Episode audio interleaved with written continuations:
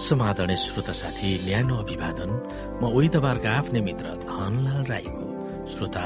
आज म तपाईँको बिचमा बाइबल सन्देश लिएर आएको छु। आजको बाइबल सन्देशको शीर्षक रहेको छ नयाँ करारमा आशा भन्ने बाइबल सन्देशको उपसंहार।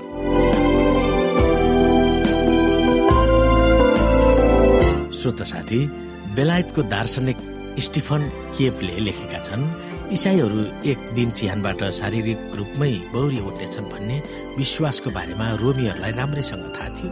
त्यसकारण इसाईहरूको आशालाई बाधा दिन र गिल्ला गर्न ती रोमीहरूले धेरै प्रयास गरेका थिए। सन् एक सौ सतहत्तरमा रोमको प्रान्त गोलमा इसाईहरूलाई सताइएको बारेमा एउटा प्रतिवेदन लेखिएको थियो। त्यसमा इसाई शहीदहरूलाई पहिला शास्ति दिएर मारेको र तिनीहरूको लासलाई छ दिनसम्म बाहिर राखेर कुहाएको र पछि जलाएको पनि खरानीलाई लोन नदीमा बगाएको विवरण थियो। रोमीहरूले भन्दथे लौ हेरौँ तिनीहरू फेरि बौरी उठ्नेछन् कि? माथिको लेखमा इसाईहरूप्रति गरिएको दुर्व्यवहार नाटकीय ढङ्गले प्रस्तुत गरे तापनि बाइबलले प्रतिज्ञा गरेको पुनरुत्थानको बारेमा केही पनि जानकारी दिएको छैन। जुन शक्तिले यसलाई मृत्युबाट बौरी उठाइयो त्यही शक्तिले हामी मरेपछि हाम्रो शरीर चाहे चियानमा गाडिएर सडियोस् चाहे जलाएर खरानी होस् वा कुनै दुर्घटनाद्वारा आकाश वा पानीमा नष्ट होस् हामीलाई अविनाशी शरीर लिएर पुनरुत्थान हुनेछौ। जुन शक्तिले सारा जगत सृष्टि भयो र सम्हाल्दछ त्यही शक्तिले जीवित भएका भक्तजनहरू र मरेका भक्तहरूलाई नयाँ शरीर दिएर परिवर्तन गर्नेछ भन्ने कुरामा हामी ढुक्क छौँ। यसोमा मरेकाहरूलाई परमेश्वरले उहाँका ल्याउनुहुनेछ। हामीले एक थिस्लोनिकी चार अध्यायको चौधलाई हेर्यौँ भने पावलले यस विषयमा भन्दछन्। यस कथनलाई धेरैले गलत व्याख्या गर्दछन्। तिनीहरूले भन्दछन् कि जब यसो स्वर्गबाट आउनुहुनेछ तब त्यस बेला सुति गएकाहरू उहाँसँगै स्वर्गबाट ल्याउनुहुनेछ। तर पावल त्यस धारणासँग सहमत छैन। जसरी यसुलाई मृत्युबाट पुनरुत्थान गरिएको थियो त्यसरी नै परमेश्वरले सुतेका सन्तहरूलाई बोलाउनुहुनेछ र उहाँसँगै स्वर्गमा लानुहुनेछ। यो पावलको भनाइ हो।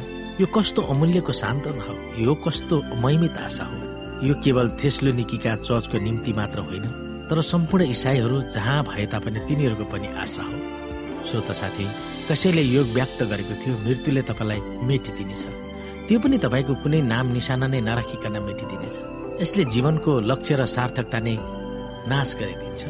यदि हाम्रो जीवनको कुनै लक्ष्य छैन जीवनको कुनै अर्थ छैन भने जन्मिनुको अर्थ के हो र?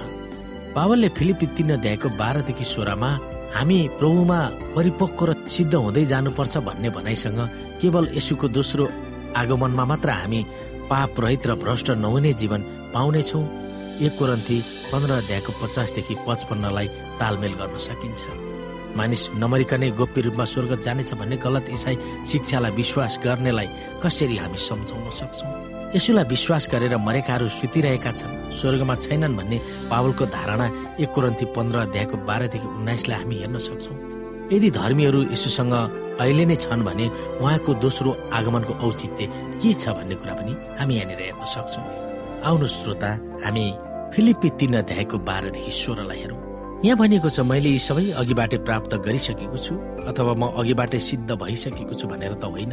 तर ती कुराहरूलाई पक्रनको निम्ति म अघि बढिरहेको छु। जुन कुराको निम्ति क्रिस्टले मलाई पक्राउनु भयो भाइ हो मैले यी सब पक्रिसकेको छु भनी म ठान्दिनँ। तर म एउटा काम गर्दछु कि पछाडिका कुराहरू बिर्सेर अगाडिका कुराहरूतिर जोडसँग लम्कँदै ख्रिस्ट यसुमा परमेश्वरको स्वर्गीय बोलावटमा पाइने पुरस्कारको निम्ति निशानातिर म जोडसँग अघि बढ्दछु।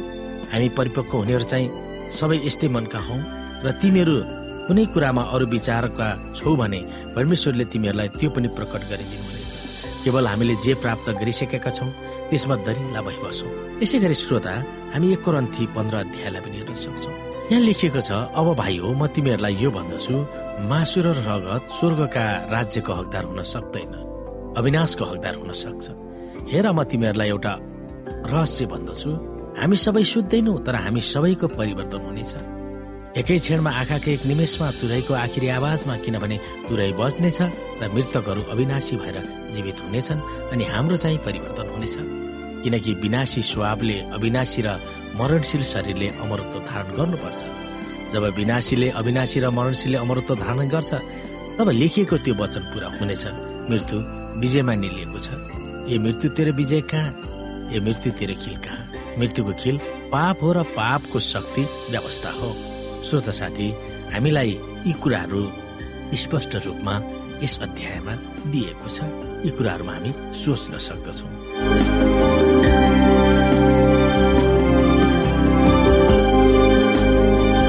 श्रोता साथी आजको लागि बाइबल सन्देश यति नै। हस्त नमस्ते। जय मसिंह।